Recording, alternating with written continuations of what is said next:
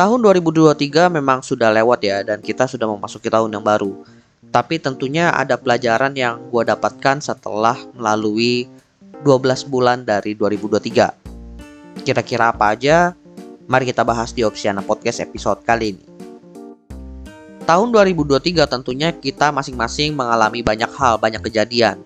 Dan gue juga mengalami hal tersebut banyak hal yang gue alami terutama di dunia kerja, di dunia bisnis dan juga dunia konten yang ngebuat gue lumayan mendapatkan banyak pelajaran baru di tahun 2023. Tentunya pelajaran yang gue dapatkan ini bukan cuma hal-hal yang berbau teknikal tapi juga ada pelajaran terkait moral. Kira-kira apa aja yang gue pelajari di tahun 2023? Mari kita mulai pembahasannya.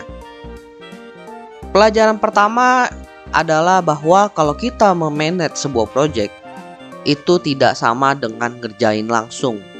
Maksudnya apa?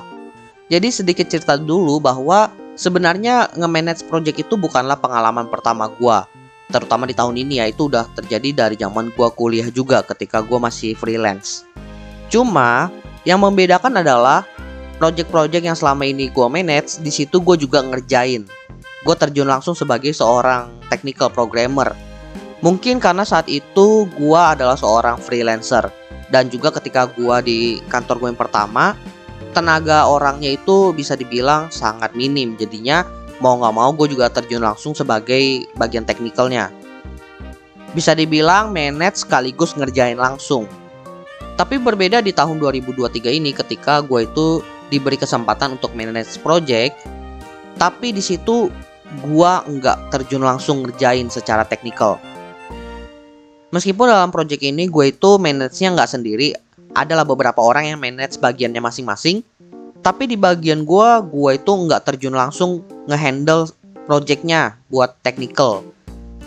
Dan memang harusnya seperti itu ketika kita ngomong manajemen project, di mana ada satu orang yang fokus nge-manage projectnya, dan ada satu orang atau beberapa orang yang fokus ke bagian teknikalnya. Harus beda orang. Dengan begitu, setiap orang pastinya bakal lebih all out ngerjain satu task mereka tanpa fokusnya terpecah sehingga dari sisi kualitas pun dapat terjaga karena ada orang yang fokusnya juga di bagian quality control juga. Karena gue lebih fokus ke manage projectnya tentunya resiko untuk sesuatu miss itu menjadi lebih berkurang. Bahkan gue bisa lebih cepat sadar kalau memang ada sesuatu yang miss sehingga bisa gue rest terlebih dahulu.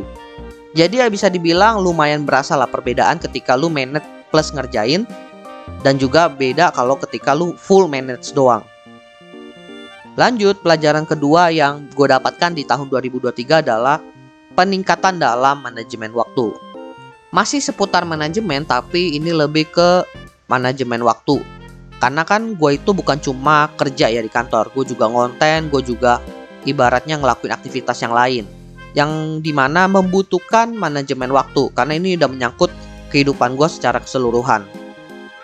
Di tahun 2023 bisa dibilang gue itu lumayan banyak project gede untuk urusan kantor gue ya. Yang impactnya adalah ke kehidupan gue pribadi termasuk dunia konten gue Dan di situ menjadi challenge buat gue buat nge-manage waktu Kapan gue produksi konten, kapan gue itu melakukan aktivitas pribadi, hobi Di sela-sela kesibukan gue ngerjain project yang lumayan gede. Yang bisa dibilang lumayan banyak lemburnya juga. Dan bisa dibilang di tahun 2023 gue itu bisa memaksimalkan waktu weekend secara maksimal. Di mana dibantu juga sih dari tahun 2022 melalui challenge yang 30 hari bersuara itu. Di situ gue ternyata bisa meningkatkan kapasitas gue dalam produksi konten. Yang akhirnya ngebantu dalam nge-manage waktu buat konten gue. Jadi bisa dibilang full di 365 hari 2023 itu Opsiana kan bisa dibilang jarang sekali nggak upload jarang sekali. Bahkan bisa dibilang rajin lah nguploadnya. Dan semuanya itu full dikerjain kontennya di hari Sabtu dan Minggu.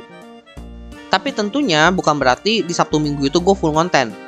Justru di Sabtu Minggu itu gue juga bisa ngelakuin hobi-hobi gue. Sehingga benar-benar hari Sabtu Minggu itu lumayan full di tahun 2023. Lalu gue juga nge-planning kapan gue harus cuti. Jadinya kalau gue ngajuin cuti itu memang sudah direncanakan jauh-jauh hari. Termasuk apa aja yang bakal gue lakuin ketika gue itu lagi cuti. Jadi bisa dibilang bener-bener produktif lah ketika gue punya waktu luang. Tapi bukan berarti ketika gue bilang manajemen waktunya lumayan baik di tahun 2023 nggak ada yang miss. Tentunya ada yang miss, namanya juga manusia kan. Kalau ada yang miss gimana? Ya udah, mau nggak mau ada terjadi pergeseran dari sisi time management. Yang penting adalah ketika kalian itu udah manage waktu kalian, jangan terlalu strict ke situ. Cobalah untuk benar-benar ngebuat time management kalian itu fleksibel. Sehingga ketika digeser tidak merusak secara keseluruhan planning yang sudah kalian buat. Next, pelajaran ketiga adalah manajemen keuangan. Kalau soal manajemen keuangan sebenarnya yang gue dapatkan di tahun 2023 itu bukan cara manage uang. Sebenarnya itu mau udah dari tahun-tahun sebelumnya. Tapi yang gue dapatkan adalah bahwa financial planning itu sangat powerful dan dapat ngebantu menyelesaikan masalah keuangan yang ada.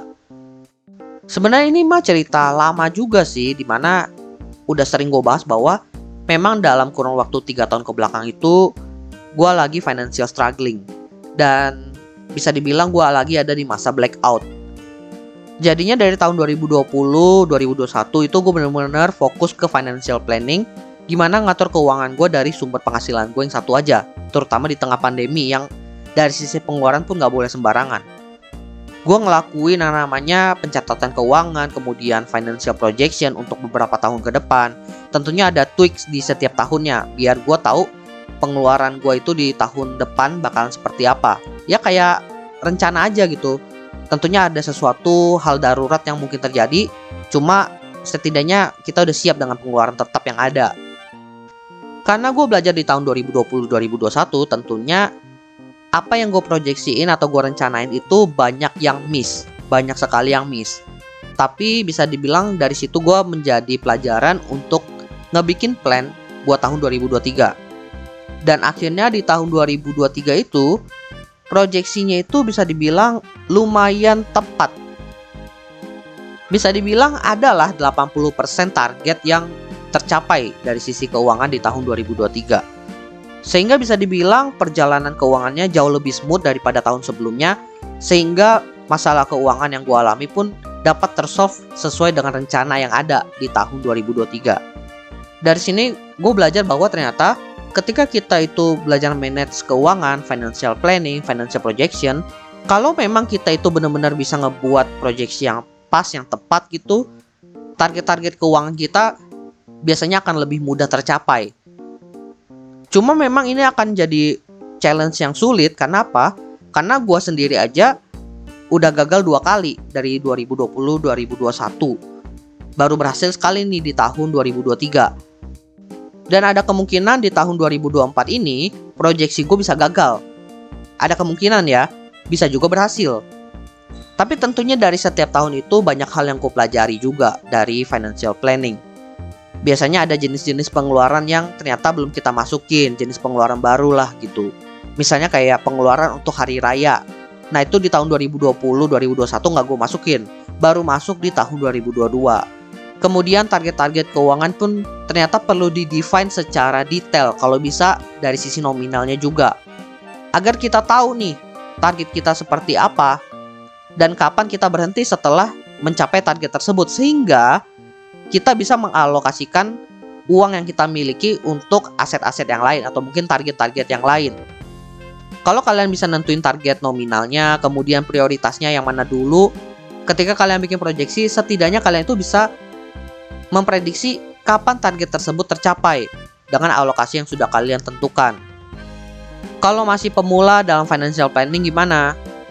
Menurut gue sih nggak masalah ya, karena kunci dari financial planning itu adalah niat, rencana, dan kebiasaan. Kalian harus niat dulu kalau kalian itu benar-benar pengen nge-manage keuangan kalian. Kemudian kalian belajar. Setelah itu kalian buat rencana keuangan kalian, kalian catat tuh setiap pengeluaran yang masuk keluar. Dan yang paling susah adalah ngebiasainnya. Karena kebanyakan orang itu startnya ya sekitar satu minggu, dua minggu, paling lama sebulan dua bulan. Tapi kalau kalian udah terbiasa, kalian bakalan tahu pengeluaran kalian per bulan secara tetap itu rata-rata berapa. Dari situ bisa menjadi patokan kalian untuk bikin proyeksi ke depannya. Selanjutnya, pelajaran yang keempat adalah belajar merelakan hal yang tidak memberikan manfaat. Ini bisa dibilang kayak pembelajaran moral aja sih. Ketika kita itu banyak maunya, pengen mempertahankan banyak hal, tapi ternyata hal-hal yang kita pertahankan itu tidak memberikan manfaat apa-apa buat kita. Bahkan terkadang hal-hal yang kita pertahankan itu justru menyakiti kita. Di tahun 2023 gue belajar untuk berusaha melepaskan hal-hal tersebut. Ibaratnya kayak melepas beban aja yang ada di dalam pikiran kita. Biar kita bisa lebih memfokuskan tenaga kita untuk hal-hal yang jauh lebih produktif, jauh lebih bermanfaat. Sebenarnya ada beberapa kejadian yang gue alami, tapi gue coba ceritain satu aja yang gampang dimengerti itu dari sisi barang pribadi gue gue punya satu barang kesayangan yang bisa dibilang sangat gue sayang gitu. Cuma sayangnya karena lumayan hektik jadinya nggak terurus. Dan justru malah ngerusak rumah gue karena ada barang tersebut yang nggak gue rawat. Mau nggak mau barang tersebut harus gue buang. Karena memang barangnya juga udah rusak, nggak bisa gue kasih ke orang lain gitu. Lumayan kesel sih, tapi mau nggak mau daripada hal-hal lain di rumah jadi rusak karena barang tersebut. Dan terakhir, pelajaran yang kelima adalah belajar lebih mengekspresikan diri. Mungkin karena gue lumayan stress out beberapa tahun ke belakang, gue jadi ibaratnya kurang mengekspresikan diri gue. Dan itu mungkin ngebuat gue itu kayak kurang enjoy dalam menjalani hidup gue meskipun gue ngejalani hobi gue ngejalanin passion gue tapi karena gue kurang ekspresif jadinya kurang maksimal aja. Oke okay lah gue udah bisa manage waktu gue buat ngelakuin hal-hal yang gue senangin gitu gue bisa memaksimalkan waktu luang gue di Sabtu Minggu bisa buat ngonten bisa buat hangout bisa buat hobi tapi pas ngejalanin aktivitasnya ternyata kurang ekspresif jadinya kan sama aja bohong di sini gue belajar untuk lebih mengekspresikan apa yang ada di dalam pikiran gue. Ketika gue ngejalanin hobi ya udah lepas-lepas aja. Ibarat fokusnya bener-bener buat happy aja, gak usah mikirin masalah yang lagi gue alami. Karena ada waktunya mikirin masalah tersebut. Jadi bisa dibilang belajar mengekspresikan diri, tapi juga tahu tempat dan waktunya. Gue juga ngebikin podcast baru kan, Nogaptek Podcast buat mengekspresikan opini-opini gue terhadap tren-tren teknologi, startup bisnis yang ada, dan ngebahas hal-hal lain di luar itu. Karena ternyata banyak juga yang menjadi keresahan gue yang belum bisa gue ungkapkan melalui podcast seperti Opsiana Podcast ini. Makanya bikin podcast baru aja. Jadi ada tempat lainnya. Selain itu, dari urusan kantor pun, gue juga mulai lebih mengekspresikan diri, mengemukakan pendapat. Ketika gue memang merasa ada sesuatu yang harus diungkapkan.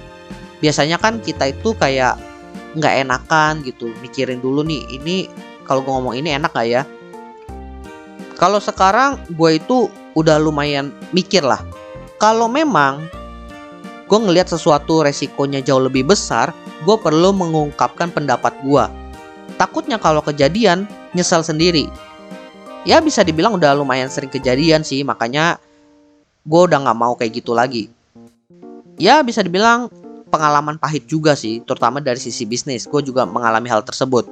Makanya gue pengen lumayan berubah terkait masalah mengekspresikan diri ini. Oke, jadi itulah beberapa pelajaran yang gue dapatkan sepanjang tahun 2023. Semoga dengan pelajaran-pelajaran yang kita dapatkan ya, terlepas dari 5 poin yang tadi, bisa ngebantu kita menjadi sosok yang lebih baik di tahun 2024 ini. So, ayo semangat, Mari kita jalani tahun yang baru ini dengan penuh kebahagiaan. By the way teman-teman, jangan lupa follow Instagram dan juga akun TikTok Opsiana Podcast di @opsiana_media karena di sana akan ada konten-konten menarik dan juga yang bermanfaat buat teman-teman semuanya. Dan juga kalian akan mendapatkan update dari Opsiana Podcast kalau nantinya ada episode terbaru yang rilis. So, jangan sampai teman-teman ketinggalan sama update-nya. Dan terakhir jangan lupa juga untuk follow atau subscribe Opsiana Podcast di platform kesayangan teman-teman. Dan nantikan konten-konten menarik dari Opsiana Podcast nantinya di sana. Oke, okay, gua rasa itu aja. Thank you buat teman-teman yang sudah mendengarkan. See you next time di episode Opsiana Podcast lainnya.